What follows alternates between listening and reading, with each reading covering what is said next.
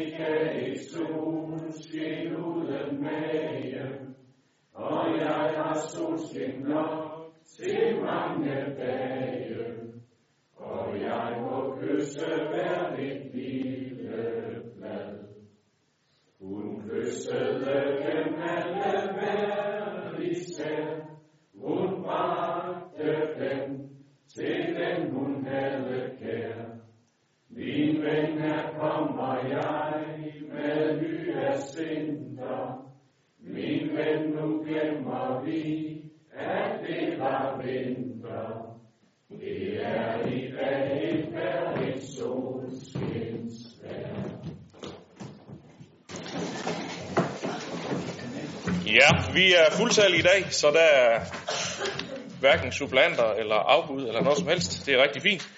Øh, og inden vi går i gang, så kan jeg sige, at øh, John Snedker er inhabil i sag nummer 2, som handler om støttebyggeri. Men der er udsendt en dagsorden, sag nummer 1. Skal jeg høre, om der er nogen bemærkninger til. Det er der ikke. Så går vi frem efter den. Så må vi lige have John uden for døren. Det har vi fået nu. Øh, det handler om støttebyggeri, grundka- grundkapitalfordeling. Ved budgetaftalen 2018 til 2021, der afsatte byrådet 25 millioner til grundkapital til almen byggeri i Esbjerg Kommune for at understøtte Esbjerg Kommunes Vision 2020 og vækststrategi. Projekterne skal understøtte visionen om 120.000 indbyggere og 10.000 studerende. Den 18. december 2017 besluttede byrådet at fordele 19,7 millioner af de afsatte midler fra budgetaftalen. Der er nu en pulje, som består af de resterende midler fra budget 18 til 21, samt midler fra projekterne på henholdsvis Museumspladsen og Ungdomsskolen, som ikke er blevet realiseret. I alt udgør puljen 21,5 millioner kroner, som fordeles ved nærværende sag. På dialogmødet mellem øh, teknik og miljø og boligorganisationerne i februar 2018 var der enighed om at foreslå, at den resterende grundkapital udmyndtes til seks projekter. Det handler om Bramming Boligforening, en udvidelse med 20 familieboliger på Aarhusgrunden, B32 Grønlandsparken, 26 familieboliger, Varde Boligadministration Tjæreborg, en udvidelse med to familieboliger, Ungdomsbo ved Kystparken Strandvænget i Esbjerg, en udvidelse med 37 familieboliger, og fremad en grund ved Grafisk Trykcenter i Esbjerg, og en, hvor der er udvidelse med 702 kvadratmeter familieboliger. Og så er det AB i Langliparken med 20 familieboliger. Jeg skal høre, om der er nogle bemærkninger til indstillingen. Det har Diana. Værsgo. Jamen, det er sådan set alene øh, et, øh, et, et, hvad skal man sige, nogle positive bemærkninger. Jeg synes, det er rigtig fint, at vi nu øh, kommer lidt bredere ud, at vi rent faktisk også får, øh, får boliger, der ligger sådan lidt andre steder end alene i Esbjerg, men også samtidig øh, en, øh, hvad skal man sige, øh, bare lige en lille kommentar i forhold til det her med, at øh, vi har stadigvæk en vision om at skabe et varieret boligmarked, som kan tilbyde boliger til alle, og det er til hele kommunen, fordi nu har vi jo brugt øh, det grundkapital, vi har, så når vi står og igen skal til at lægge budget, så øh, er det nok ret væsentligt, at vi får øh, afsat ekstra midler til grundkapital øh, de andre år, fordi vi står jo fortsat med en udfordring i den østlige del af Esbjerg Kommune. Vi er stadigvæk øh, en af de øh, kommuner, som stadigvæk har en ghetto eller en udsat boligproblematik, og den kommer vi ikke til at ændre, hvis ikke vi sikrer, at der er boliger i hele vores kommune, som alle borgere kan flytte til. Og der har vi jo nogle udfordringer både på skoler og dagtilbudsdel, så det har vi jo ikke løst ved denne her øh, sag i dag, så derfor var det blot et minde om, at, øh, at det er en fin sag, vi er godt på vej, men øh, vi er langt fra færdige. Det var et øh, fromt ønske til den kommende budgetlægning, det er noteret. Der er ikke nogen, der taler imod, så vi har hermed godkendt indstillingen. Så når vi til, skal vi lige have John Snedgaard ind igen, inden vi øh, kommer alt for langt. Ja.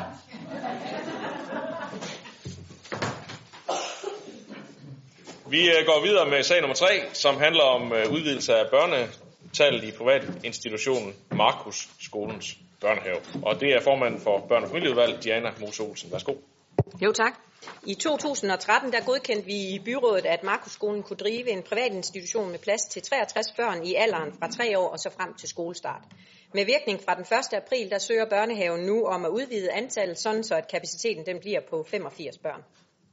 Markusskolen de opfylder både lovgivningskrav, og de også opfylder også de kriterier, som vi som kommune har sat for godkendelse af en privat institution, også efter en eventuel udvidelse til 85 børn. Vedtægterne for Markus Skolens børnehave skal samtidig ændres til det godkendte børnetal, og dermed også godkendes af byrådet. Jeg skal øvrigt bemærke, at der står i sagen, øh, at børnehaven mangler en ibrugtagningstilladelse, som dokumenterer, at det er lovligt at huse de 85 børn i lokalerne. Den tilladelse den er kommet, og øh, derfor er der ikke et forbehold i byrådets godkendelse, som der ellers står i indstillingen. Og derfor indstiller børne- og familieudvalget og økonomiudvalget til byrådet, at privatinstitutionen Markusskolens børnehave godkendes til at optage op til 85 børn i alderen 3 år til skolestart med virkning fra 1. april 2018, og at de ændrede vedtægter som følge af det ændrede børnetal godkendes. Sara Nøjes. Det er selvfølgelig glædeligt, at øh, brugentagningstilladelsen så er kommet i hus her øh, nu her, hvor vi står og skal behandle sagen. Øh, det gør nu ikke en stor forskel for mit vedkommende. Jeg har stadigvæk tænkt mig at stemme imod. Det kan heller ikke komme som en stor overraskelse fra ret mange af jer. For det første så synes jeg, at øh, en udvidelse på i, i omegnen af, af lidt over 30 procent, det er sådan rimelig voldsomt. Øh, at de så kan være der, det er jo sådan en anden side af sagen. Øh, derudover så har vi jo i enhedslisten sådan generelt nogle øh, problematikker med private institutioner. Det er kommunen, der har øh, selvforpligtelsen over for børnene, hvis øh, institutionen øh, ja, går ned og hjem, som det jo så pænt hedder. Øh, og det, øh, det, det har vi altså lidt problemer med at skulle, øh, skulle se os ud over den, øh, den problem. Jeg er udmærket godt klar over, at det er lovgivningsmæssigt i orden, det der er her, men derfor forbeholder mig retten til at stemme imod alligevel. Du har ret, Sara. Det er ikke en stor overraskelse. Du har nævnt det før. Vi ved godt, at du er imod alt, hvad der er privat øh, her, men øh, vi er jo andre, der synes, at det er rigtig godt, der er et øh, alternativ til, øh, til det kommunale tilbud. Så øh, jeg er nødt til at spørge, hvem der kan stemme for den indstilling, der er godkendt af børn- og og økonomiudvalg. Yes, så hvem stemmer imod? Tak for det. Den er med godkendt. Så går vi videre til øh, sag nummer 4. Det er kvalitetsrapporten for Esbjergs skolevæsen 2016-17. Det er også en sag, der har været behandlet i børne- og familieudvalget, så Diana, du får ordet igen. Værsgo. Ja, tak.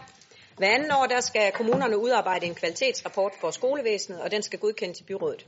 Alle skolebestyrelser de har haft kvalitetsrapporten til udtalelse, og det har givet en række gode høringssvar, som alle er bearbejdet af forvaltningen. Det er skolevæsenets kerneopgave at sikre, at alle vores børn bliver så dygtige, som de kan, og samtidig støtter, øh, støtter skolevæsenet op om børne- og ungepolitikkens mål om, at børn og unge skal opleve en dagligdag med sammenhæng. Skolerne de spiller en væsentlig rolle i forhold til paradigmeskiftet version 2.0 og er en vigtig aktør, når indsatserne skal hænge sammen og skabe en rød tråd i hverdagen for udsatte børn og unge. Den overordnede vurdering af Esbjerg Kommunes skolevæsen er, at det faglige niveau er tilfredsstillende, på stort set alle klassetrin, der er der en positiv udvikling i resultaterne af det nationale test. Ligesom på landsplan er der dog endnu ikke lykkedes os at nå målet om, at 80% af kommunens elever skal få gode resultater i både læsning og matematik i de nationale test. Kvalitetsrapporten den viser, at andelen af elever, som modtager undervisning i den almene undervisning, i løbet af de sidste tre år er faldet fra 97,2% til 96,4%, og derfor har vi allerede iværksat et servicecheck af inklusionsindsatsen, og det vil munde ud i nogle anbefalinger til en Esbjerg-model for inklusion i løbet af 2018. Det generelle billede for kvalitetsrapporten er, at der er forskel på resultaterne, skolerne og afdelingerne imellem. Samlet set der er vi på mange områder på rette vej, selvom der også stadigvæk er plads til forbedringer. Det er fortsat vores mål, at det faglige niveau det bliver hævet, samtidig med at vores gode resultater for elevernes trivsel den bevares, der ligger vi forholdsvis højt, eller også så i hvert fald, at det fortsætter i en positiv retning. Og på den baggrund indstiller børnefamilieudvalget og og økonomiudvalget til byrådet, at kvalitetsrapporten for Esbjergs kommunale skolevæsen for skoleåret 2016-17 godkendes. Tak for det. Så er det mig, Britt André Andersen. Tak for det. Andelen af elever, der modtager undervisning i specialregi, det er svagt stigende. Det ser vi som udgangspunkt som positivt udtryk for, at flere elever nu bliver placeret i de rette tilbud og ikke bliver styret ind i almindelige tilbud på grund af rigide måltal på området. Det er kun glædeligt, at flere elever får et tilbud, som passer til dem. Når det så er sagt, så kunne det selvfølgelig også være bedre. Elevernes faglige udvikling i Esbjerg Kommunes folkeskole lever ikke op til den nationale målsætning om, at 80% af eleverne skal være gode til at læse og regne. Til trods for en lille fremgang på nogle klassetrin, så er der stadig ikke tilstrækkeligt til at opfylde de nationale måltal. Så er spørgsmålet, om vi som kommune stiller os til tåls med en jævn god præstation, eller om vi i stedet ønsker at hæve ambitionsniveauet og skabe Danmarks bedste folkeskole i Esbjerg Kommune, hvor eleverne får de bedste betingelser for læring og udvikling, så alle elever får mulighed for at udnytte deres fulde potentiale. Hos det konservative Folkeparti der ønsker vi at give eleverne den faglige rygsæk, der ruster dem til fremtiden. Derfor mener vi, at vi i fremtiden bør gøre endnu mere på kommunalt niveau for at skabe de rette rammer omkring folkeskolen, således at eleverne kan blive endnu dygtigere, end de er i dag. Og må jeg så ikke lige afslutte med at sige stort tak til vores mange dygtige lærere her i kommunen. I yder hver dag en kæmpe indsats for vores børn og unge. Jeg ved, at I gør et stort og vigtigt stykke arbejde ud for de forudsætninger, I står med i hverdagen. Tak. Henrik Valø. Ja, tak. Der er ikke nogen tvivl om, at, at det konstant at have fokus på kvaliteten i Esbjerg Kommunes skoler er af allerstørste vigtighed for vores børns fremtid, og bestemt også for Esbjerg Kommunes fremtid. Vi har et stort ansvar for at sikre vores børn den bedst mulige start på livet. Og jeg tror, at en faglig stærk folkeskole er helt afgørende for udviklingen af vores velfærdssamfund, og det samme gælder naturligvis, når vi specifikt ser på Esbjerg Kommune. Det er i folkeskolen, at grunden for det enkelte barns udvikling skal ske, og derfor er en kvalitetsrapport som den, vi behandler her i dag, så vigtig. Den er, som det fremgår af sagsfremstillingen, et mål- og resultatstyringsværktøj, og skal blandt andet fungere som et grundlag for dialog mellem os, altså politikerne, forvaltningen og skolerne. Forvaltningens sammenfattende vurdering af Esbjerg Kommunes skolevæsen er, at det faglige niveau er tilfredsstillende. Også trivselsniveauet vurderes som liggende på et tilfredsstillende niveau. Og det er overordnet jo rigtig godt, men set med borgerlistens øjne, så er det måske ikke helt nok, at alt bare er godt, for er det godt nok? Og som det beskrives i en tilbagemelding fra en af skolerne, en af skolerne så er man der opmærksom på, at kvalitetsrapporten ikke beskriver hele virkeligheden. Og en anden skole skriver, det vil give bedre mening at se på resultater over perioder af år med samme indsats, i stedet for år for år med skiftende indsatser. Der er klassetrin, hvor der er tilbagegang i resultater, og andelen af elever, der er inkluderet i den almene undervisning, er faldende i forhold til seneste kvalitetsrapport, og er nu under målsætningen på 96 procent. Der er et mål, der hedder, mindst 80 procent af eleverne skal være gode til at læse og regne i de nationale test. Det er naturligvis et godt mål at have, men det er ikke noget. Og hvad med de sidste 20 procent af eleverne? Jeg læser lidt som om, at der i kvalitetsrapporten er fokuseret meget på de 80 procent af eleverne, men for mig er det særdeles vigtigt, at vi ikke glemmer de sidste 20 procent. Det må være sådan, at vi har fokus på alle elever. I de 20 procent ligger blandt andet også vores ordblinde elever. Hvis de, ved seneste budgetlægning, der afsatte vi 6 millioner kroner over fireårsperioden til en øget indsats for ordblinde, efter jeg fra borgerlistens side havde spurgt ind til området og konstateret, at vi alene i vores folkeskoler har mere end 600 børn, der er testet ordblinde, og tager vi Socio-skolen og Rybners med, så har vi mere end 1300 elever, der er ordblinde. Stærkt bekymrende. Og hvad har vi gjort? Ja, ikke særlig meget, og i hvert fald alt, alt for lidt. Jeg har netop spurgt i, forspurgt i forvaltningen om, hvorledes de der 6 millioner kroner, de øh, øh har tæ- bliver tænkt anvendt, og har fået oplyst, at helt overordnet, så skal alle skoler lave mindst et udviklingsprojekt i det kommende skoleår, hvor de skal implementere evidensbaseret viden om ordblinde til konkret pædagogisk praksis, således der skabes viden om, hvorledes de enkelte projekter kan skaleres op til almindelig pædagogisk praksis i hele børn og kultur. Det var altså noget, jeg har skrevet af det sidste, vil jeg sige. Den enkelte skole skal altså ud fra rammen udarbejde en plan for indsatsen på skolen. Som jeg forstår det, så kan skolerne gøre det, de føler for og har lyst til, og vidt forskelligt i hvert fald. For mig giver det ikke meget mening.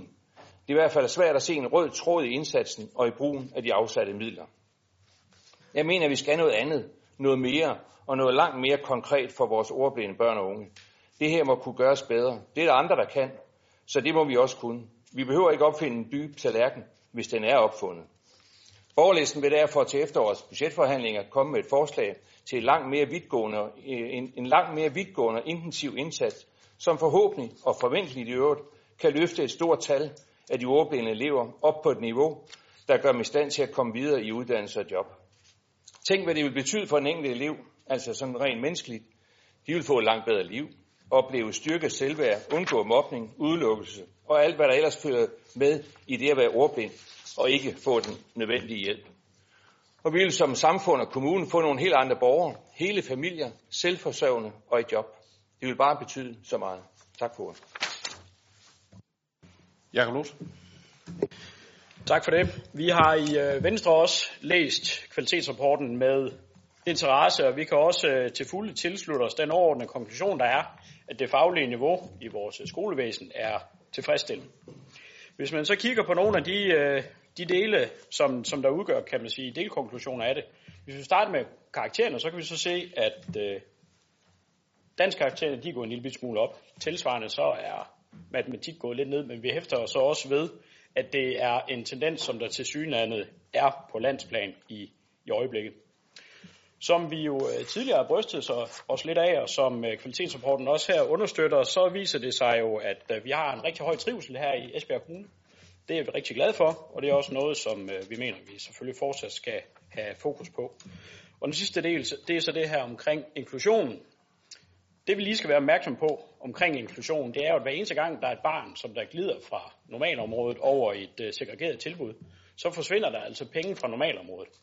Øh, og det er klart, at på et eller andet tidspunkt, så, så hænger det ikke sammen økonomisk længere, og derfor, derfor så hilser vi også velkommen, at der er i gang sat et øh, service-check af inklusionsindsatsen, hvor der så også vil komme nogle, øh, nogle indsatser på, eller nogle anbefalinger til nye indsatser på, på baggrund af det. Så man kan jo tage, sige lidt, at øh, der er både plus og minuser i den her rapport her, og man kan selvfølgelig vælge at se på glasset som værende halvt tomt eller halvt fyldt. Vi i Venstre, vi mener, at øh, glasset det er halvt fyldt, og vil fortsat øh, følge området her med stor interesse, så vi kan tilslutte os og godkende rapporten. Diana? Så vil du, du kan få lige lov til at komme ind først her. Værsgo. Yes! Skynder mig at rejse mig op. Øhm, nu kan man jo altid ønske sig noget mere. Det er sådan noget, vi i enhedslisten plejer jo rigtig gode til. Nu kan jeg så forstå, at Henrik Valø, han er ved at overbyde os, hvad det angår. Det er jo dejligt. Det tænker jeg, det kan vi sagtens blive enige om. Rigtig mange af tingene. Derudover er jeg øh, meget enig med Margaret i forhold til den del med andelen af børn, der ikke går i normalsystemet. Det ser vi faktisk som noget positivt. Fuldstændig med samme argumentation, som Margaret kom med før. Og så hæfter jeg mig i øvrigt også ved skolebestyrelsernes svar. Dem, der har, har givet et, et lidt længere svar, end de har taget det til efterretning. Øh, at de faktisk ser det her som et godt værktøj fremadrettet. Der er lige nogle justeringer, de godt kunne tænke sig, og det vil der jo altid være. Øhm, så i mangel af bedre, skulle jeg til at sige, så, øh, så godkender vi selvfølgelig den her rapport. Øh, vi så helst, at man ikke skulle bruge så meget tid på alle mulige målinger og test og sådan nogle ting, men øh, det er nok kommet for at blive. Diana? Jamen, øh, tak for de mange kommentarer og bemærkninger til øh, kvalitetsrapporten. Det er altid dejligt, når der er så mange, der er interesseret i folkeskolen. Det er et enormt vigtigt område og er med til at danne vores elever øh, til fremtidens øh, voksne. Øh, når nu I taler så meget om inklusionsindsatsen, så tænker jeg, at jeg lige vil give det et par ord med på vejen. Som SF'er øh, og som udvalgsformand øh, siger det mig egentlig ikke så meget procentdelen. Det, der siger mig mest, det er, om øh, vores elever de får de øh, rette tilbud i forhold til den udfordring, de eventuelt har. Og når vi nu hører, at øh, noget af det, der sker i dag, det er blandt andet, at fordi man er udfordret, fordi man bliver presset øh, på, øh, på almen-delen, at så ender man med at ekskludere elever, der måske slet ikke skulle være ekskluderet. Så ekskluderer vi i min optik for mange. Så hvis det handler om, at vi ikke har de rette måder at, øh, at bruge vores økonomi på, eksempelvis, i dag har vi almen området, hvor man har x antal kroner per elev i en klasse, så når man ekskluderer et barn til et segregeret tilbud, så følger der op til 300.000 kroner med det barn. Vi har ikke noget midt imellem. Og det er egentlig noget af det, vi i børnefamilieudvalget faktisk har arbejdet med et stykke tid, og i øjeblikket der er vores medarbejdere og vores ledere øh, faktisk i gang med et udredningsarbejde for at finde den bedste løsning i forhold til børnene. Så det ikke er økonomien, øh, der skal danne rammen for, hvad det egentlig er for en indsats, vi skal have for de børn, der har behov for noget andet. Det kunne jo rent faktisk godt være, at der var i stedet for var behov for en ekstra medarbejder i, øh, i timerne i en periode, øh, og derfor giver det måske mening, at vi kigger på det på en anden måde. Så for mig handler det heller ikke så meget om procenten. Den indgår som en del af kvalitetsrapporten. For mig handler det mest om, at vores børn får det rigtige tilbud på det rigtige øh, tidspunkt. Kvalitetsrapporten beskriver ikke det hele billede, øh, giver øh, borgerlisten også udtryk for. Det er fuldstændig korrekt. Det gør det ikke, og er det godt nok, og hvad med de sidste 20 procent? Øh, folkeskolereformen den er blev bygget op på en måde, så man netop skulle satse på de 20 procent svageste og de 20 procent stærkeste elever, fordi man ofte havde fokus på øh, de 60 procent øh, indimellem, og ikke så meget øh, de andre. Det er sådan, at ude på alle vores skoler, der arbejder man faktisk målrettet med forskellige initiativer for at sikre, at vi både udfordrer de 20% stærkeste, og at vi udfordrer også de 20% svageste. Der laver man forskellige tiltag. Det er faktisk øh, ret positivt over for, hvad man egentlig laver ude på skolerne. Det fremgår ikke alt sammen af kvalitetsrapporten, øh, fordi at, øh, så vil det blive en lang beretning, øh, som vi måske heller ikke kan bruge til noget. Øh, så er der ordblinde elever. Det er jeg egentlig glad for, at, øh, at Valø han øh, går så meget op i. Det gør jeg også selv. Jeg synes, det er et rigtig, rigtig vigtigt, at vi har fokus på området. Jeg er så bare ikke helt enig i det her med, at når nu vi lader det være op til de professionelle ude på vores skoler og arbejde med evidensbaseret viden, at man så bare laver det lidt tilfældigt. Der er jo en årsag til, at det hedder evidensbaseret. Der er også en årsag til, at vi har faguddannede medarbejdere ansat, og at vi har ledere, der måske ved lidt øh, også om det her område. Jeg synes faktisk, det er rigtig vigtigt, at man ude på vores skoler arbejder med udgangspunkt i de børn, man har, og de udfordringer, man har derude, og at vi i fællesskab bliver klogere på det. Og det forventer man egentlig også noget om. Og så det projekt, som, som Valø han foreslår, det koster 7 millioner om året. Vi har trods alt kun halvanden million pt, som vi arbejder med, så det er lidt vanskeligt at gøre for, få, for så få midler. Så er vi egentlig også på vej med næste gang i børnefamilieudvalget, gav vi udtryk for politisk, at måske skulle man kigge lidt på kvalitetsrapporten. Skulle den laves på en anden måde, sådan så den øh, giver kvalitet for os alle sammen, både for, for udvalget, men rent faktisk også for, for, øh, for skolebestyrelser og for skolerne generelt. Så det arbejder man lidt med. Men igen, i stedet for at vi dikterer, hvordan den skal se ud, så vil vi hellere have, at dem, der har, har skoene på og ved, hvor de trykker hen, at det egentlig er dem, der er med til at definere, jamen, hvad giver mening også for dem. Ja, tak for de mange bemærkninger. Jeg vil, jeg, øh, du skal nok få lov, mig lige til at kommentere igen. Jeg vil bare øh, lige selv sige, at jeg synes, øh, det er rigtig dejligt, at der er så mange, der interesserer sig for vores folkeskole. Det var der også øh, i det gamle byråd.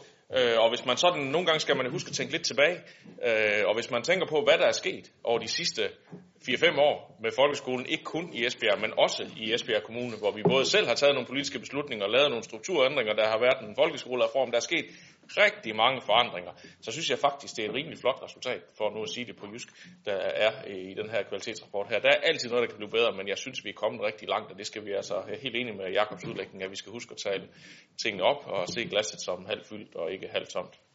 Maja, du får lige en bemærkning her til sidst. Ja, det er egentlig bare lige ganske kort til dig, Diana. Altså, nu er øh, inklusion i almen regi jo ikke øh, svaret på alt, og det er i særdeleshed heller ikke et mål i sig selv. Øhm, og man kan så sige, at alle de børn, der ikke kan inkluderes i de her øh, tilbud, det er jo på grund af deres massive vanskeligheder. Og det synes jeg altså, det er en betragtning værd. Diana?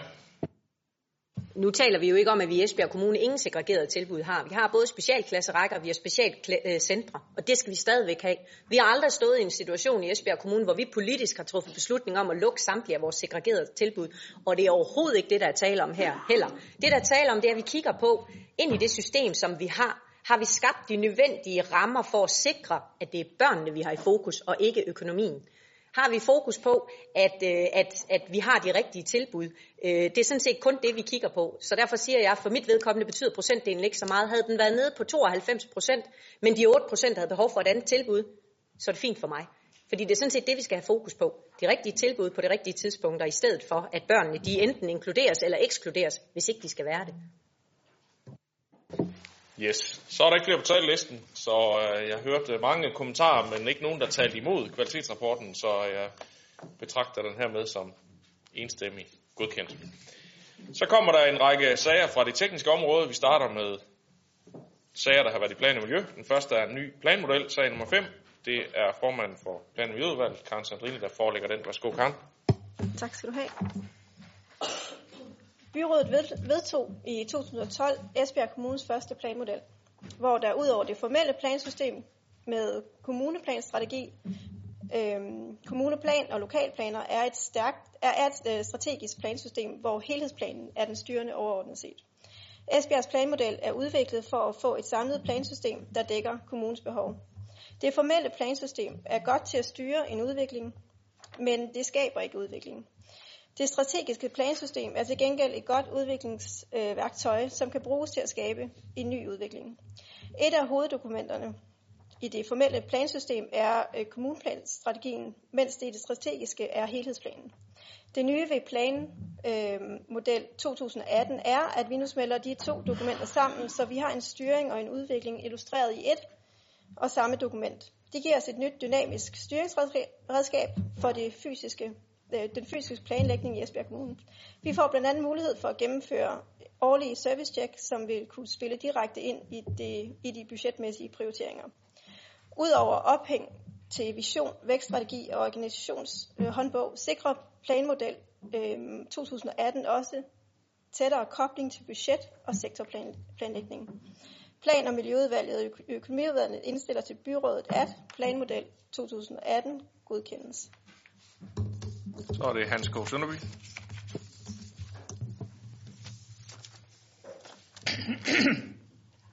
Jeg skal indledningsvis bemærke, at vi i DF-gruppen vil tilslutte os vedtagelsen af det her dagspunkt, dagsordenpunkt, som vi behandler. Og med og blot knytte nogle øh, bekymrende bemærkninger til det. Hele planlægningen for en kommune af Esbjergs størrelse i år 2018 er en overordentlig kompliceret sag alle det.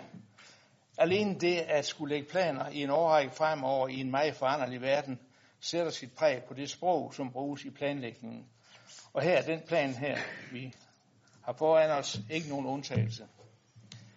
Man kan godt få den kæderiske tanke, at planlægningen med dens ordlyd først og fremmest skal tilgodese lovgivningen på området i højere grad end kommunens udvikling. Planlægningen er i høj grad præget af det, som går under betegnelsen varm luft, når det bliver udtalt. Jeg har dog forståelse for, at den overordnede planlægning er præget af en vis rundhed og rummelighed. Det jeg derimod især kunne ønske mig, er, at når vi er i bunden af planlægningen, hvor vi også er tæt på borgerne, og det erhvervsliv, som skal agere helt konkret, at vi der bliver bedre til at styre ved hjælp af rammer og ikke personlige skøn i administrationen. Det vil vi også forsøge at, at gøre til en ledesnor i Dansk Folkeparti i den kommende planperiode. Yes. Der er ikke flere, der har bedt om ord, så den har vi hermed godkendt. Vi går videre til uh, sag nummer 6, som er en kommuneplanændring uh, omkring rådhusgrunden i Bramming. Det er også en sag, der har været plan i udvalg, så Karen, du får ordet igen. Værsgo. Tak igen. Forslag til kommuneplanændring og forslag til lokalplan vedrørende Bramming Midtby, boliger på Rådhusgrunden, Skolegade og St. Knuds Allé er udarbejdet med henblik på at give mulighed for, at der kan etableres etageboliger i Bramming Midtby. Området ligger centralt i Bramming og har tidligere været rådhus og parkeringsplads. Da området ikke længere skal være officielt formål, øh, er det i kommuneplanen foreslået, at området anvendes til bland, til bland øh, boligområde. Det gamle rådhus blev revet ned, og parkeringspladsen nedlægges som offentlig parkeringsplads. Boligbebyggelsen er planlagt til at have 1-3 etager med udnyttet øh, tagetage, hvor de øverste er i den sydlige del af området mod Skolegade og Sankt Knuds øh, Allé. Boligerne på to etager er i midten af området, og dem på en etage er længere mod nord. På den måde er der en sammenhæng med bebyggelsens øh, nord for lokalplan, eller lokalplanområdet. Det nye etagebyggeri skal udformes, så der er sammenhæng med, den øvrige, med det øvrige bebyggelse i Bramming Midtby. Bramming Boligforening vil flytte den eksisterende blodby ind midt i området, så det kan indgå i de grønne opholdsarealer. Lokalplanen sikrer en stiforbindelse med øh, officiel adgang mellem øh, Sankt Knuds Allé og det grønne område bag lokalplanområdet, og er på den måde i tråd med den igangværende områdefornyelse for Bramming Midtby. Øhm, Plan- og Miljøudvalget og økonomi, Økonomiudvalget indstiller til byrådet, at planforslagene vedtages med henblik på offentlig høring. Ja, og da der ikke er andre, der har bedt om ord, så har vi hermed sendt den ud i, i høring. Vi går videre til sag nummer 7, som er en øh, indsatsplan for Fanø Vandværk. Der har vi nogle opgaver på vegne af Fanø, så det er også en sag, der har været plan udvalg. Karen, den får du igen. Tak. Teknik og Miljø har udarbejdet en indsatsplan for Fanø Vandværk. Planen samler de initiativer, der er nødvendige for at opnå beskyttelse af nuværende og fremtidige drikkevands- og grundvandsressourcer. Grundvandet er med øh, den nuværende viden tilstrækkeligt beskyttet. Derfor er planen primært en øh, moniteringsplan. Resultaterne fra overvågningsprogrammet vurderes hvert andet år. Planen indeholder derfor ikke tiltag over for private og landbrugsbedrifters anvendelse af hverken nitrat eller pesticider. Det er heller ikke fundet nødvendigt at foreslå yderligere arealrestriktioner på landbrugsarealerne. Vertikale boringer i indsatsplanens område udgør en potentiel kilde til forurening. Derfor foreslår Teknik og Miljø, at der udføres kampagner over for ubeskyttede og ulovlige brønde og boringer. Det foreslås, at der iværksættes en tilsynskampagne over for markvandsboringer. Udkast til indsatsplanen har været forelagt Fanøs Kommunes øh, koordineringsforum for grundvand. Øhm, forum består af repræsentanter for SAGRO, Danmarks Naturfredningsforening, Fanø Kommune samt Fanø Vand øh, AS. Det er ikke modtaget, der er ikke modtaget ændringsforslag øh, fra nogle af parterne. Plan- og Miljøudvalget og Økonomiudvalget indstiller til byrådet, at forslag til indsatsplan godkendes med henblik på offentlig høring i 12 uger. Yes, det har vi her med fuldt den indstilling også. Og en lignende sag, tror jeg det er. Sag nummer 8, det er også indsatsplan for Vildslev, Christebro, Jan Vedlund og så videre. Værsgo, Karen. det er jo motion i sig selv, det her. Teknik og Miljø har udarbejdet en indsatsplan for Vildeslev Vandværk, Præstebro Vandværk, Jan Lund Vandværk og Hunderup øh, Kildeplads. Planen samler de initiativer, der er nødvendige for at opnå beskyttelse af den nuværende og fremtidige drikkevands- og grundvandsressource. Grundvandet er med den nuværende viden tilstrækkeligt beskyttet. Derfor er planen primært en moniteringsplan. Resultaterne fra overvågningsprogrammet vurderes hvert andet år. Planen indeholder derfor ikke tiltag over for private og landbrugsbedrifters anvendelse af hverken nitrat eller pesticider. Øhm, det er heller ikke, der er heller ikke fundet nødvendigt, eller det er heller ikke fundet nødvendigt at foreslå yderligere øh, arealrestriktioner på landbrugsarealerne. Vertikale boringer i indsatsplanens områder udgør en potentiel kilde til forurening også her. Derfor foreslår Teknik og Miljø, at der udføres kampagner over for ubeskyttede ulovlige brønde og boringer. Det foreslås, at der iværksættes en tilsynskampagne over for markvandsboringer. I boringerne til vandværkerne har, har der været fundet desphenylchloridazon, som kommer fra det forbudte pesticid chloridazon. Øh, indsatsplanen kan derfor ikke påvirke forekomsten af dette i grundvandet, og derfor er der ikke tiltag mod det, dette pesticid. Afhjælpningen af forekomsten sker ved driftstiltag, ændrede indvindingsmønstre og nye boringer. Udkast til indsatsplanen har været forelagt Esbjerg Kommunes øh, øh, koordinationsforum for grundvand. Forum består af repræsentanter fra SAGRO, Danmarks Naturfredningsforening, Esbjerg Kommune samt øh, de respektive vandværker. Der er ikke modtaget ændringsforslag fra nogen af parterne. Plan- og Miljø øh, udvalget og økonomiudvalget indstiller til byrådet, at forslag til indsats indsatsplan godkendes med henblik på offentlig høring i 12 uger. Så håber jeg at udtale det hele korrekt. Jeg tror, det var rigtig fint. Sara Nørris. Det er også nogle lidt halvsvære ord, nogle af dem. Øhm, det vi hæfter os ved i de her sager, det er netop det der med, at der står, at grundvandet er tilstrækkeligt beskyttet. Øhm, ja, det kan man jo så godt mene nu. Der var også nogen, der i sin tid troede, at, skal jeg virkelig prøve at udtale det, som du sagde før, det synyl øh, et eller andet, øh, at det ikke havde tænkt sig at trække ned i grundvandet. Det gjorde det så lige alligevel her 30 år efter. Ikke også? Den situation kan vi jo så stå i igen om 30 år, hvis ikke vi passer på. Det, øh, jeg synes, det er øh, misvisende at kalde en indsatsplan, når man netop ikke... Jo, man kigger på øh, ulovlige brønde, som jo så i virkeligheden slet ikke burde være der, og så siger man, at man ikke må lave øh, øh, vertikale øh, boringer. Og det er meget fint. Det kommer vi bare heller ikke særlig langt med. Det er jo ikke en indsatsplan. En indsatsplan kunne jo for eksempel bestå i, at man ikke overhovedet måtte bruge pesticider eller lignende i markerne, der ligger lige op over en grundvandsboring. Det var en mulighed. Det er ikke et ændringsforslag, bare roligt. Vi behøver ikke stemme om det. Planen her skal i, øh, i 12 ugers høring, så derfor så stemmer jeg for den, for at se, hvad der kommer i høringssvar. Dermed ikke sagt, at jeg tænkte mig at stemme for den endelige såkaldte indsatsplan, når vi når dertil. Nu er det jo et, øh, ikke et Esbjerg Kommune anlæggende alene og skal øh, definere, hvad retningslinjerne skal være omkring øh, vandindvinding her. Og øh, hvis man vil arbejde for sådan nogle forslag der, så, så er det nok øh, øh dine kolleger i Christiansborg, på Christiansborg, du skal i, have i tale, fordi at øh, der er nogle, øh, vi kan lave nok så mange små øh, fine ting i Esbjerg Kommune, men, men det løser ikke øh, alle problemer i, i, i landet. Heller ikke omkring dysfenylkloridazon, øh, som øh, er udfordringen her. Godt. Vi øh, har godkendt øh, indstillingen her og sendt den i høring. Vi går videre til sag nummer 9, som er en vedtægtsændring omkring kystbeskyttelse på Manø. Det er teknik- og byggeudvalg, der håndterer den, så Søren Heide Lambertsen, du får ordet. Værsgo. Tak skal du have.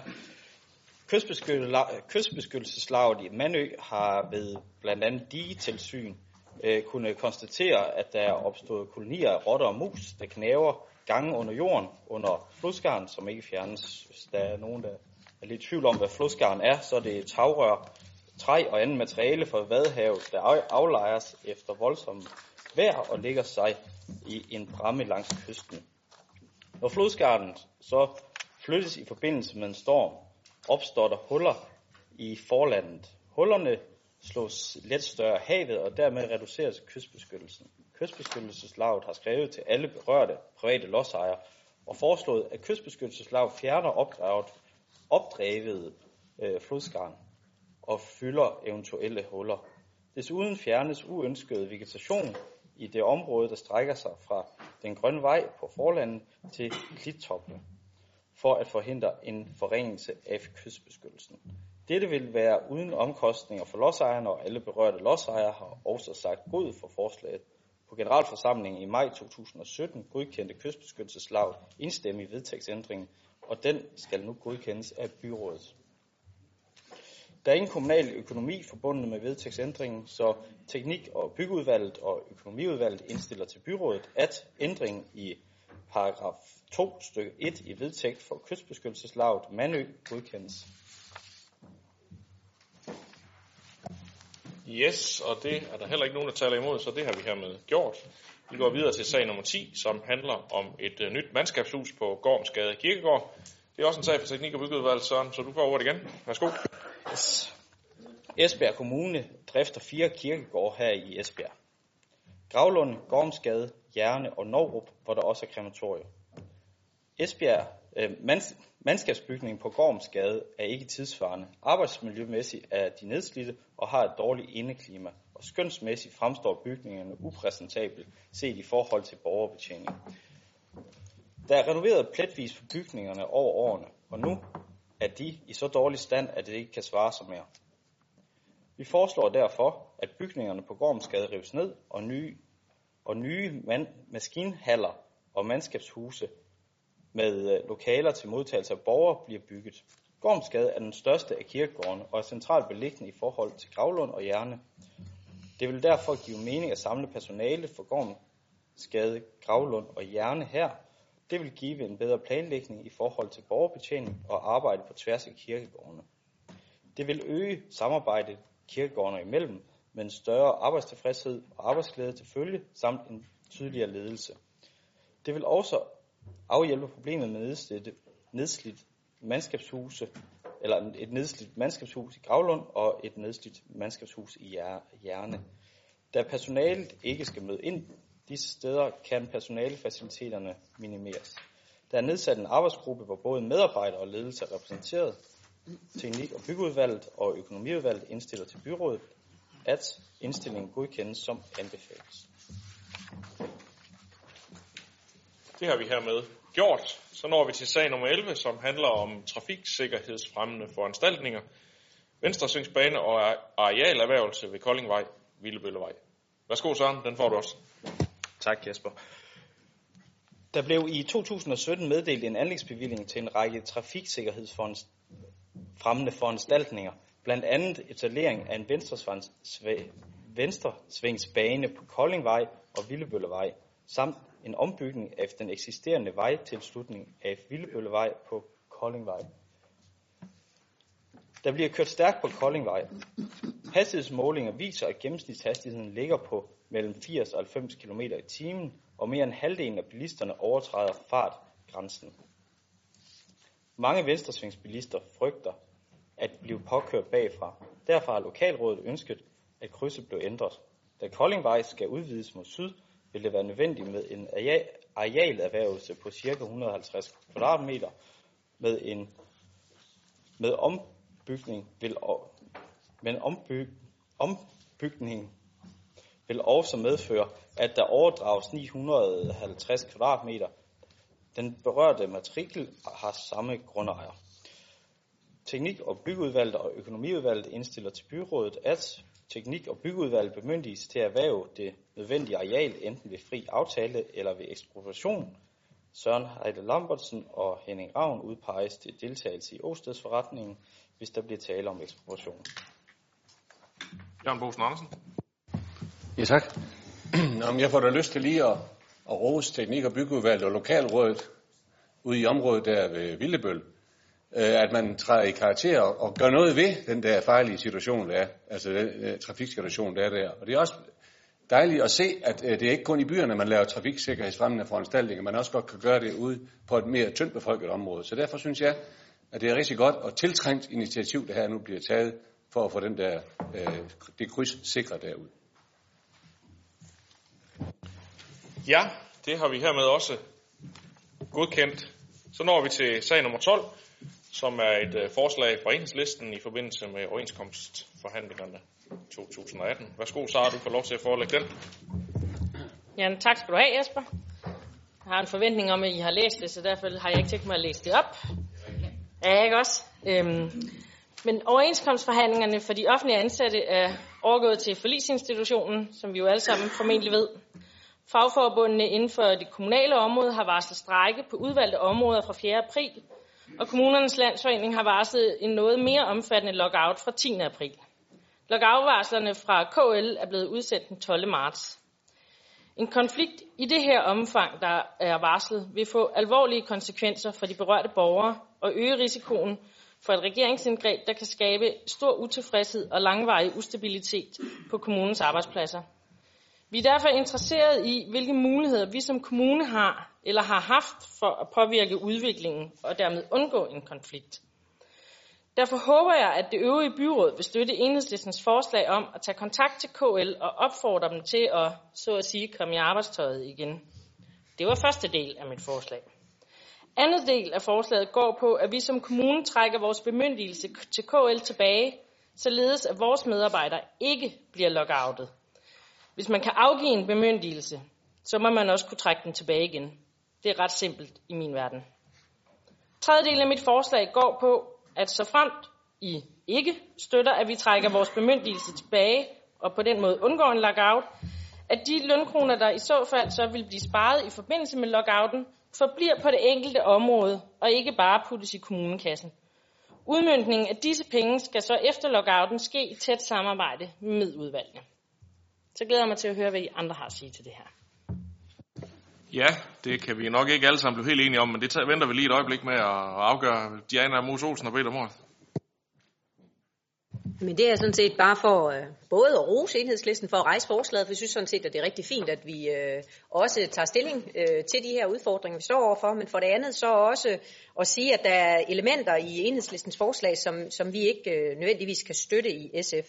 Sådan set enig i, at det er en uhensigtsmæssig situation, vi står i, øh, men samtidig med, så er det jo også en del af den danske model, at vi rent faktisk er inde og har arbejdsmarkedets parter til at forhandle om de udfordringer, som, som vi nu engang står i lige i øjeblikket.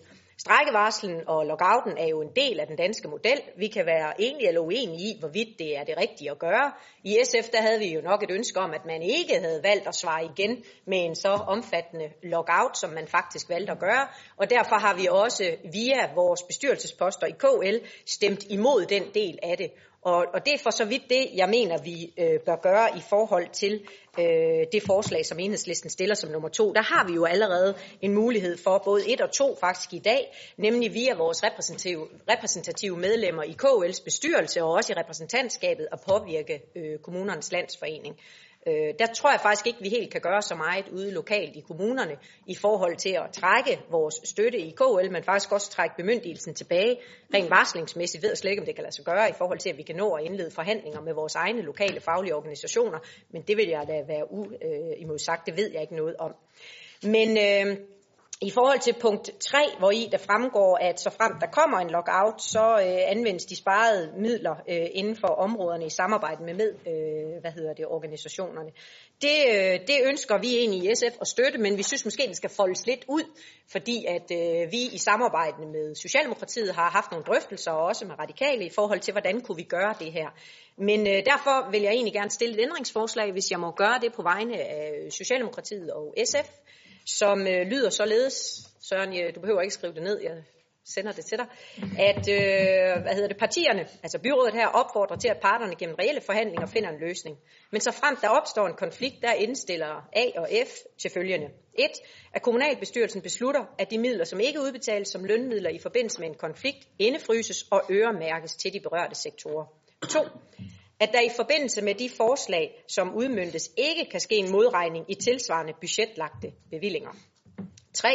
At eventuelt uforbrugte midler, budgetlagte som indefrosne, overføres til efterfølgende budgetår, så frem der resterer uforbrugte midler ved årets udgang. 4. At forvaltningen fremlægger et forslag til udmyndning til kommunalbestyrelsens godkendelse, og at 5. Udmyndningsforslaget sendes i høring hos de berørte relevante faglige organisationer med udvalg. Det var ændringsforslaget til enhedslistens punkt 3 fra SF og Socialdemokratiet. Og det vil Socialdemokratiet måske også sige lidt til. Søren Heide, du har bedt om ordet. Yes. Øh, lad mig starte med at sige, at, at øh, komme med en opfordring til, at parterne finder en, øh, en løsning gennem reelle forhandlinger. I forhold til, øh, til forslag fra enhedslisten, så, øh, så, så troen der, øh, som vi øh, kan læse os til, bliver sådan set lidt svært, i og med, at så skal vi til at melde os ud af KL øh, med så kort en tidsvarsel. Øh, så jeg tror, den får, den får en rigtig svær gang.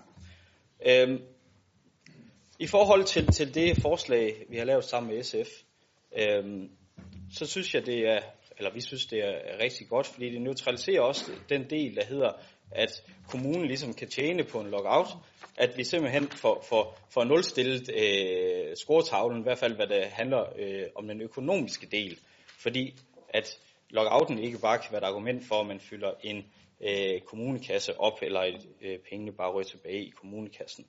Det øh, forslag gør, det er, at eventuelt øh, lønmidler for konflikten, at de nemlig bliver på de områder, hvor de egentlig kommer fra, eller personalets lønkroner, hvor de kommer fra. Yderligere så låses de her øh, lønmidler, så de ikke lige pludselig går til noget helt andet, end det der først var tiltænkt. Og den, på den her måde, så anvendes de jo så ikke, og ikke til, til andre ting. Og de an, låses så også i en længere periode, ikke bare til, at budgettet det slutter, altså eller det næste budget skal vedtages, fordi så kan vi øh, sikre initiativer både på kort og på lang sigt. øh, i forhold til de ting, der måske negative effekter, som en konflikt kan udløse, hvor vi har behov for at gøre en ekstra indsats. Og det er jo rigtig dejligt, at vi på den her måde kan inddrage medarbejderne, i hvert fald med det her forslag, fordi det er jo også dem, der bliver ramt af en eventuel konflikt. Så lad os håbe, at vi kan blive enige om det. Jakob Lose. Jamen tak for det. Jeg vil også starte med, ligesom Diane Mos Olsen også gjorde, med at rose Øjs og enhedslisten. Fordi jeg synes faktisk, det er ret godt gået, at man øh, på to linjer på det A4-papir, der kan man øh, både sætte en dansk model midt over, og man kan også melde sig ud af kommunernes landsforening. Det synes jeg faktisk er ret flot. Men sjovt nok, så, er det, så kan vi ikke lige tilslutte os øh, de to pinde. Og som øh, der allerede har været sagt her i salen, så øh, synes vi også fra den her side, at man skal holde sig for god til at gå ind og blande sig i, øh, i løndannelsen, fordi der har vi arbejdsmarkedets parter til. Og der er strække og lockout altså fuldstændig legitime våben, som man kan benytte på den ene og på den anden side. Det er det, som man har aftalt arbejdsmarkedets parter imellem. KL det er en uh, konsensusorganisation. Derfor så er der altså heller ikke plads til, at uh, man kan trække en badbillet her i uh, Esbjerg Kommune, for så er det helt rigtigt. Så melder vi os ud. Jeg ved ikke lige, om KL's vedtægt i virkeligheden giver mulighed for det, men det har i hvert fald nogle konsekvenser. Det synes vi heller ikke er super smart, fordi at vi mener rent faktisk, at vi alle sammen står stærkest, hvis vi har et stærkt og forenet kommunernes landsforening. Og så er det rigtigt, som Diana var inde på. Debatten har været i, øh, i bestyrelsen, hvor man også har taget en afstemning, og derefter så bakker man så op. Så kan det også godt undre mig lidt, hvis jeg nu læser lidt ned i teksten på dit, øh, på dit forslag, så, så står der lidt om, at man også blander snak omkring de betaler øh, frokostpauser ind i det her. Og det er meget bekendt ikke et element, som man diskuterer i kommunerne pt. Men du fortjener alligevel en lille smule ros, og øh, vi er enige i, at det er et rigtig godt signal at sende, at man altså ikke øh, skal bruge en eventuel konflikt til at spare en masse penge. Og derfor øh, så har vi også et alternativt forslag til, øh, til punkt nummer 3. Det er et øh, forslag, som nok er lidt mere simpelt end SSF's, hvor vi i Søren Lambersens øh, forelæggelse hørte en del om, hvad lønmidlerne de skal, de skal bruges til. Men ikke ret meget om dem, som det med al respekt for, for de ansatte, som der enten skal strække eller lockoutes, øh, hvad, hvad der selvfølgelig berører dem. Men vi skal altså også huske på, at hvis der kommer en stor konflikt, så går det altså i allerhøjeste grad ud over vores borgere. Og derfor så synes vi, det er lidt præmaturt, hvis der kommer en konflikt, at vi skal tage stilling til, at lønmidler skal reserveres sådan og sådan allerede nu. Så derfor så vil Venstre, Konservative, Borgerlisten, Dansk Folkeparti og Radikale gerne stille følgende, følgende ændringsforslag at kommunalbestyrelsen beslutter, at nettobesparelsen ved en konflikt fastholdes på de respektive fagudvalgsområder, og direktionen anmodes om at komme med et oplæg til udmyndningen til behandling i fagudvalget. Tak for det. Anne-Marie Geisler. Ja, tak for det. Jeg kan da også øh, fortsætte at rose enhedslisten for at fremsætte forslaget, også for at være hurtig, også at være hurtigst. Yeah. Øhm, i Radikale Venstre, der mener vi, at øh, KL's lockoutvarsel af 7. marts øh, at 250.000 kommunale ansatte, det var ude af proportioner. Og vi havde meget gerne set, at parterne havde afventet forhandlingerne i forlisinstitutionen. Derfor der ønsker også vi at sende et kraftigt signal om, at en eventuel lockout aldrig må blive en kommunal spareøvelse. Således ønsker vi, at besparelsen i forbindelse med en eventuel lockout tilbageføres proportionalt til de berørte fagområder, til gavn for såvel ansatte som de borgere, som har blive berørt af lockouten. Der er blevet arbejdet hårdt for at genvinde tilliden og genskabe det gode samarbejde med lærerne, efter at de blev kørt over i forbindelse med lockouten i 2013. Og det forløb, det er vi på ingen måde stolte af. Det har vores partiformand også været ude og sige. Det ønsker vi ikke at gentage, heller ikke over for andre faggrupper. Derfor der er det også magtpålæggende, at vi tager hånd om den tillid, som er opbygget, så både lærerne og alle de andre kommunale ansatte kan få de bedst mulige forhold for at udføre deres arbejde. Vi ønsker samtidig at sende et utvetydigt signal om, at lærernes arbejdsvilkår bør være baseret på aftaler og ikke på lov.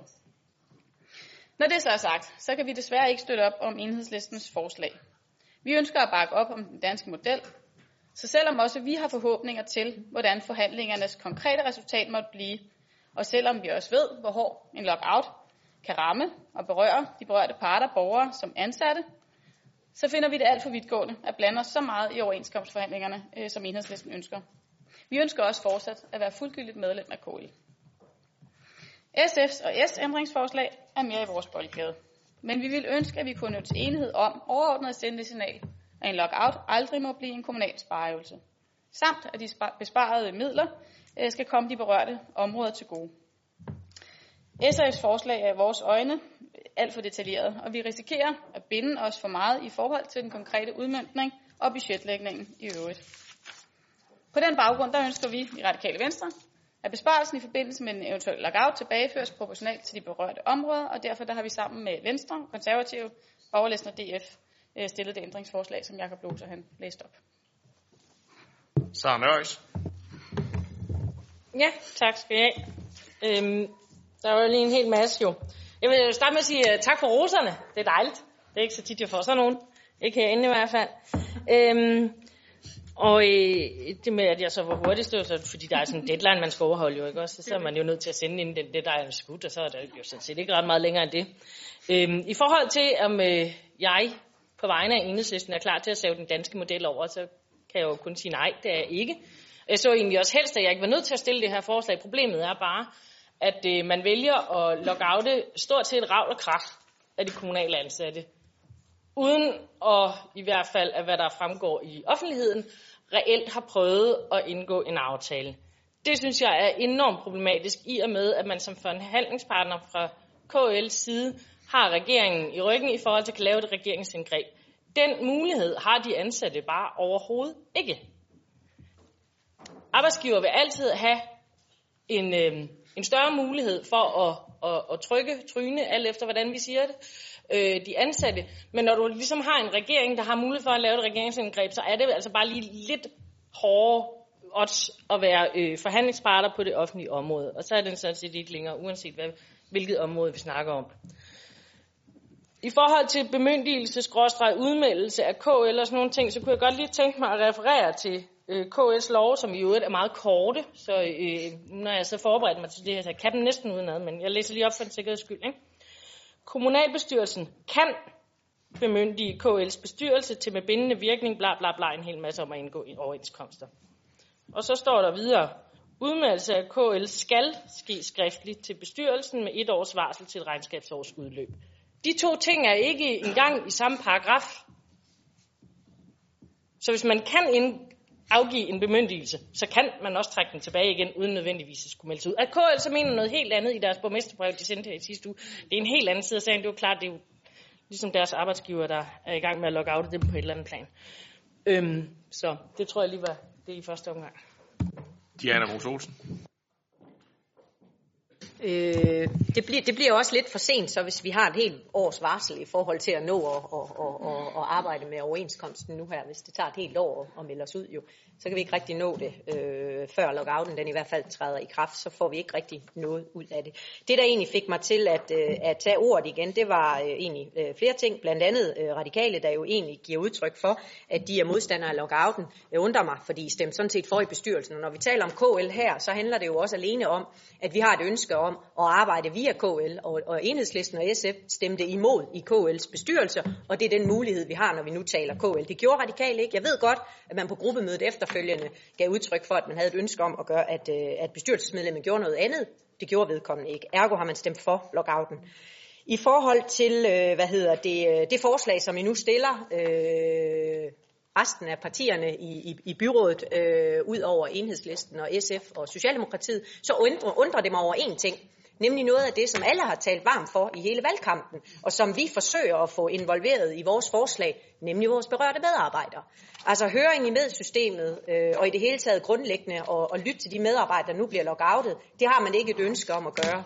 Når, enheds, eller når SF og Socialdemokratiet vælger at beskrive øh, det her ændringsforslag så detaljeret, som vi gør, så handler det jo altså også om, at vi lynhurtigt vi kunne nå at øh, bruge de her lockout-midler netop til at spare på nogle områder, fordi vi så kan sige i forbindelse med budgettet, jamen vi har et overskud på området, så laver vi en besparelse, så bruger vi lockout-midlerne til at reparere hullet. Så ender vi jo netop i en situation, hvor vi, hvad skal man sige, øh, ja, egentlig slet ikke bruger de midler til det, som vi gerne vil have, øh, at de skal blive brugt til. Desuden så står vi måske også med en udfordring på skoledelen, fordi at øh, alt afhængig af, hvor lang tid lockouten den bliver, øh, og strækken den bliver, jamen så har vi sådan set en forpligtelse til at øh, levere undervisning til vores elever, så der kan komme noget erstatningsundervisning, som vi skal give dem efterfølgende. Men jeg kan undre mig over forslaget fra, fra jer af, at I ikke har et ønske om at lytte til de medarbejdere, vi locker out, altså vi smider ud af døren, i forhold til, hvad det rent faktisk er, midlerne skal bruges til. Det kan undre mig. Så er der en række socialdemokrater, der har bedt om ordet. Den første er Hans Erik Møller. Ja tak. Øh, jeg vil starte med at sige, at øh, det er jo rart at høre, at øh, nogen i hvert fald får til at lyde, som om de har respekt for den, den danske model. Det synes jeg er utrolig vigtigt, at vi tilkendegiver herfra, og det gør vi jo også i vores forslag med at opfordre til reelle forhandlinger. Og så kunne man jo måske tænke på, hvad ligger der i ordet reelle forhandlinger? Ligger der det i det, at man måske ikke helt tror, de kører nu? Det ved vi ingen af os jo, der sidder herinde i dag. Men jeg synes, når man snakker den danske model, og vi skal værne om den danske model, så synes jeg også, at det er vigtigt, at man tager det seriøst og alvorligt. Og fordi man har mange muskler, så skal man ikke bare spille med dem. Jeg er fuldstændig enig i, at det er ikke politikeren på Christiansborg, der forhandler overenskomst. Det er arbejdsmarkedet parter. Men når man så oplever, at den ene side af arbejdsmarkedets parter forsøger på at logge out så mange, at man næsten er sikker på, at det her det er måske, hvis ikke man vil lave reelle forhandlinger, skal ende med et regeringsindgreb, så synes jeg faktisk, man undergraver den danske model helt vildt. Og det er jeg meget, meget bekymret for. Og nu siger Diana til de radikale, at i KL's bestyrelse stemte man desværre ikke imod øh, den store lockout. Det må jeg så indrømme, det gjorde Socialdemokraterne også i KL's bestyrelse. Og nogle gange er man ikke helt enig med sine partikollegaer. Det var jeg i hvert fald ikke i den her øh, situation. Så lad os håbe, at arbejdsmarkedets parter inden konflikten og lockouten træder i kraft, kommer til nogle reelle forhandlinger, der ender med en løsning til gavn for hele Danmark, og i særdeleshed for befolkningen og os medarbejdere. Når det så er sagt, så synes jeg, at skulle man komme i den situation, hvor man i det her tilfælde sætter med nogen, der måske kunne få økonomiske julelys i øjnene, ved at man lockouter så mange, så synes jeg, at det er utrolig vigtigt, at vi sikrer os, at det er der ikke en gevinst i for nogle af partnerne. Og derfor er det da så utrolig vigtigt, at de penge ikke bare bliver lagt i en kommunekasse. Og der er jeg helt enig i, hvorfor lytter vi ikke også til medarbejderne? Hvorfor bliver de ikke hørt? Hvorfor bliver de faglige organisationer ikke hørt? Og så var der altså noget, der virkelig skurede i mine ører, da de radikale var oppe og holde deres indlæg. Fordi det vil man budgetmæssigt heller ikke binde sig på. Altså det, der står imellem det, der jeg godt nogle gange læser mellem linjerne, der står der, at hvis vi kommer til at mangle i budgettet, så kan det godt være, at vi inddrager de penge. I budgetforhandlingen, det er i hvert fald det, jeg hørte de radikale sige, de vil ikke øremærke de penge til, at de ikke budgetmæssigt kan, øh, kan bruges i det budgetspil, der kommer. Det var i hvert fald det, jeg hørte, der blev sagt. Man vil ikke budgetmæssigt øh, binde sig til det. Så jeg forstår simpelthen ikke, jeg forstår måske nok nogle af dem, der har set julelys i det her, rent økonomisk. Der tænker jeg nok læst mest på den blå side. Men jeg synes også, der er så mange, der har sagt så meget i valgkampen om medarbejdere og alt muligt andet. Og der er også så mange, der siger, at vi skal værne om den danske model. Det gør man altså ved at stemme for vores forslag. Tak for. Søren Heide Lambertsen. Yes. Øh, Jakob, grund til, at jeg nævner medarbejderne, det er fordi, de er jo også en del af det her. Det er jo svært at forestille sig, at de ikke også skal være en del af det, når de skolebørn, der eventuelt går glip af noget undervisning, at vi sådan set ikke medarbejderne skal på banen igen, når vi skal tilbage. Så det var derfor, jeg nævnte medarbejderne. Øh, Anne-Marie, du nævnte jo lige præcis, øh, det var alt for detaljeret, det forslag, øh, Socialdemokratiet og SF kommer med. Og lige præcis grunden til, at det er så detaljeret, det var det, du så selv kom frem til, det var, at vi kommer snart til et svært budget. Og det er derfor, det er detaljeret. Det er sådan, at de penge ikke lige pludselig forsvinder et eller andet sted hen. Og det er lige præcis det, øh, som du får bekræftet ved at sige, ah, armen til budgettet skal vi ikke så lige flytte lidt rundt. Og det er det, vi gerne vil fastlåse med det forslag, vi kommer med. Conny Geisler. Ja, altså det, der får mig til at rejse mig, det er, det er dig, Jakob. Øh, og det er jo øh, din udsagn i forhold til, jamen, øh, hvad, med, hvad med borgerne, det går ud over derude.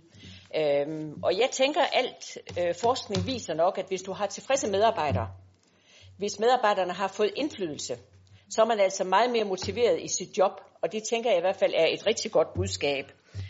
Øhm, når økonomien bliver i de relevante områder, så er vi også sikre på, at kommunen ikke skal tjene på det her. Og det vil jo være rigtig ærgerligt, at kommunen skal tjene på, at der er en konflikt. Det tænker vi i vores forslag sammen med SF, at øh, vi vil sikre, at det ikke bliver.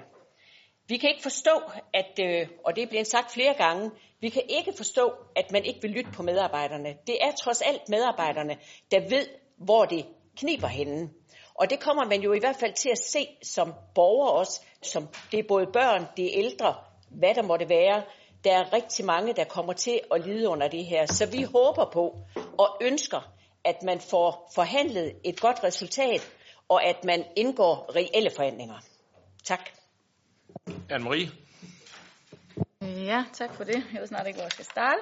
I forhold til det første, hvad vi stemte i KL, jamen der kan jeg kun sige, at øh, både Diana og uh, Hans Erik har jo svaret på det. Jeg er også rigtig ked af, at vi stemte øh, for lockouten. Det har jeg også udtalt. Det har vi også som kommunalbestyrelsesmedlem af Radikale udtalt.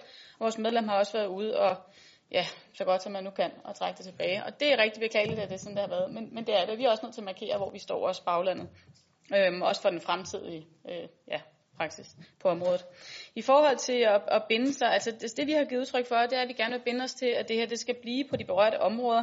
Og det er også derfor, jeg ikke forstår, altså hvis der skal laves reparationer, vi, vi taler jo ikke for, at øh, penge, der er sparet på skoleområdet, skal bruges til at lukke veje. Altså hvis der skal laves noget på det berørte område, så er det jo på skoleområdet. Og i vores øjne kommer det jo både borgere, men, øh, ansatte, men også borgerne til gode, når, når pengene bliver på området. Vi synes bare, man går for langt her i forhold til den konkrete udmyndning. Det ønsker vi, vi skal tage efterfølgende. Vi synes, vi binder os meget i forhold til at indefryse og overføre midler osv. For os der er det vigtigt at sende det signal, at det ikke må blive en kommunal spareøvelse, og pengene de skal blive på de berørte fagområder. Det er det, vi håber, vi kan nå til enighed om her. Så i forhold til inddragelse.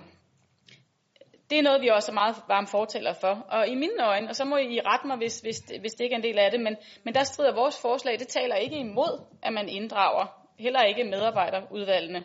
Øhm, og det var ikke derfor, at vi, stemmer, vi ikke var med på S og SF's forslag. Det var den øh, meget øh, detaljerede øh, udformning, som forslaget havde i forhold til udmyndningen. Så vidt jeg læser, så ud, udelukker vores forslag så ikke, at man kan inddrage medarbejderne. Direktionen anmodes om at komme med et forslag til en konkret udmyndning. Direktionen kan vel for så vidt godt foreslå, at man, ind, at man, man inddrager organisationerne. Det kan vi vel i de respektive fagudvalg også gøre.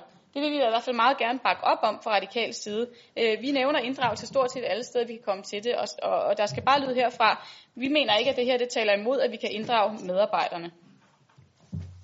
Jakob Lose.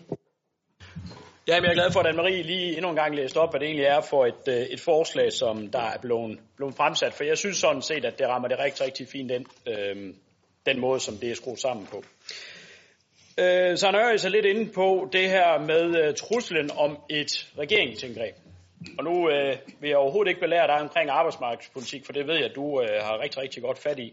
Men bare lige for, øh, for tilhørende og for resten af sagen, den måde, som et regeringsindgreb kommer til verden på, det er typisk ved, at øh, der forelægges en, øh, de sidder måske i øjeblikket i, i forlisinstitutioner og forhandler, og et regeringsindgreb vil jo typisk blive præsenteret som en eller anden form for afart af en forligsskitse, som man, øh, man sidder og arbejder på i, i forlisinstitutionen.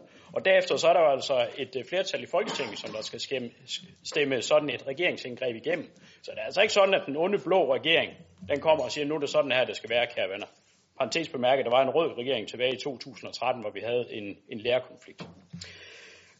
Conny Geisler, tilfredse medarbejdere, vi vil også rigtig gerne have tilfredse medarbejdere, men vi, vi vil også rigtig gerne have tilfredse borgere. Og jeg tænker faktisk ikke, at det ene det nødvendigvis behøver at udelukke det andet. Jeg synes faktisk også, at vores forslag, som sagt, det kommer, kommer fint rundt om det. Diana? Jeg vil gerne sige, at jeres forslag er bedre end sidste gang, hvor I vil putte pengene i kassen, så det er da bedre end ingenting. Men hvis det var sådan, at man nu endelig ville gøre øh, det, at man ville høre medarbejderne, så kan man bare beslutte det. Det er det, vores forslag siger. Hvis det er sådan, at man gerne vil sikre sig, at midlerne ikke bliver brugt til alt muligt andet, så som med den ene hånd at give noget til området, og så spare med den anden, så kan man jo bare stemme for vores i stedet for at stemme med de blå. Så jeg vil sige, vores forslag tager jo sådan set højde for, at man ikke med den ene hånd kan lave en besparelse, og så med den anden hånd fylde hullet ud med lockout-midler. Jeg synes faktisk ikke, det binder sig ret meget. Jeg synes egentlig bare, at det sikrer, at, øh, at vi får midlerne derhen, hvor midlerne de bør bruges i forhold til Socialdemokratiet og øh, hvad hedder det, SF. Vi er ved at være over i de korte bemærkninger, for at vi ikke kommer til at køre helt i regning, men nu er det første gang, du beder om ordet, Jens Snikker, så du får lov. Værsgo. Jamen, jeg tror, det kan blive en kort bemærkning, borgmester, øh, fordi det ligger meget i forlængelse af det, som øh, Diana lige præcis siger nu. Jeg synes, der er grund til at præcisere over for både det radikale venstre, men i specielt også Dansk Folkeparti, som egentlig skuffer mig lidt øh, i forhold til at gå sammen med Venstres forslag. Alene fordi, at der jo ikke taler om, at det er et mere kompliceret forslag, vi stiller, men det er i virkeligheden nogle vigtige præciseringer i forhold til, hvordan vi sikrer, at de her øh, sparede øh, lønmidler, at de kan indfryses og øremærkes til den berørte sektor, men også, som det fremgår af vores forslag, at øh, der ikke kan ske modregning af, af tilsvarende budgetlagte bevillinger, og også at hverken de her uforbrugte midler, budgetlagte som indefrostende, de også kan overføres til næste år, så vi på den måde, som Søren, vores gruppeformand, var inde på, har det lange lys på. Er der noget, som især også Dansk Folkeparti plejer at lægge vægt på, så er det især, at pengene de bliver der, hvor de har, har, har, har meget at gøre. Og på de her områder her, er det altså især de bløde områder, det er dagpasning, det er skole, det er de ældre, øh, som kan blive sortepære i det her spil her. Og derfor vil vi selvfølgelig gerne have, at øh, det her det kan ske i et samspil med de berørte medarbejdere, og at de derfor skal have indflydelse på, hvordan det her det skal være. Det er såre simpelt. Så derfor håber jeg på, at både det radikale venstre, og jeg havde også håbet på, at Dansk Folkeparti vil besinde sig og selvfølgelig stemme for vores forslag. Det er altså nu, det gælder. Hans Møller. Ja tak. Jeg vil da lige starte med at sige, at øh, så vidt mig bekendt, så er vi en politisk styret kommune, men jeg forstår, at de radikale måske overvejer, at vi skal være en direktionsstyret kommune. For jeg hører det sådan, at hvis direktionen kommer med det forslag, så vil du da ikke udelukke, at de kunne finde på at høre for eksempel medarbejderne, de faglige organisationer og andet. Det, det, det må være sådan, jeg skal høre dit forslag. For ellers er det jo bare, som det står i vores forslag, at selvfølgelig vil vi ud og høre dem. Det kan vi da bare vedtage nu, som Diane hun øh, gør opmærksom på. Det er der ingen grund til, at direktionen øh, de skal afgøre, om vi som politisk styret kommune allerede vil vedtage det nu eller ej. Den anden del, jeg synes, jeg hører flere sige, at det er vigtigt, at pengene bliver på områderne, hvor de hører hjemme der øh, uddyber vi det endnu mere i vores øh, forslag. Det er korrekt. For at sikre sig, at de netop, som John øh, refererer her til sidst, ikke kan bruges i nogen på forhånd øh, tilrettelagt øh, budgetudvidelse øh, eller et eller andet i forhold til budgettet også. Men jeg hører så mange sige det. Og nu er jeg lidt i tvivl. Det skuer lidt i min øre, så nu kan det jo være, at jeg så spørger os borgmester. Øh, vil du garantere dig for, at de penge her, hvis de kommer, hvis der kommer en lockout, at de bliver tilført de pågældende områder, og på ingen måde bruges i forbindelse med noget budgetarbejde? Nu tager vi lige de sidste par bemærkninger, så skal jeg nok svare på de spørgsmål. Han siger ikke, det er Anne-Marie først, og så Sara. Jeg tror nok ikke, jeg er en af dem, som normalt får at vide, at jeg går ind for, at vi skal have direktionsstyret øh, kommunen. Altså jeg mener ikke, at et forslag for direktionen, det er et diktat. Jeg mener, det er noget, man, man drøfter i, øh, i udvalgene eller i forbindelse med budgettet, hvor man nu end måtte få øh, det forslag, som direktionen kommer med. Øh, og der er det bare min øh, opfattelse, at der kan vi godt øh, arbejde for, at medarbejderne selvfølgelig bliver inddraget. Altså stod det til os i Radikale Venstre, så gik vi sammen om overordnet og, øh, og blive enige om, at de nettobesparelser, der er ved en eventuel lockout, at de bliver på, øh, på de berørte områder. Øh, det var der ikke. Øh, folk vil gerne længere ned i udmyndning, i forhandlinger osv. Øh, vi vil helst ikke gå ned i udmyndning nu. Vi synes, det er for tidligt at gøre det, vi synes, man går for langt ned og binder os for meget. Det er vores holdning til det. Øhm, så overordnet set, så det, det, der er vigtigt for os, det er, at vi sender et signal om, at det her det ikke skal blive en spareøvelse. Der var nogle ting i SA's forslag, vi ikke kunne stemme for, og det er jeg ked af, men sådan var det. Men det er bestemt ikke medarbejderinddragelsen, som vi ikke fortæller for, for det er vi.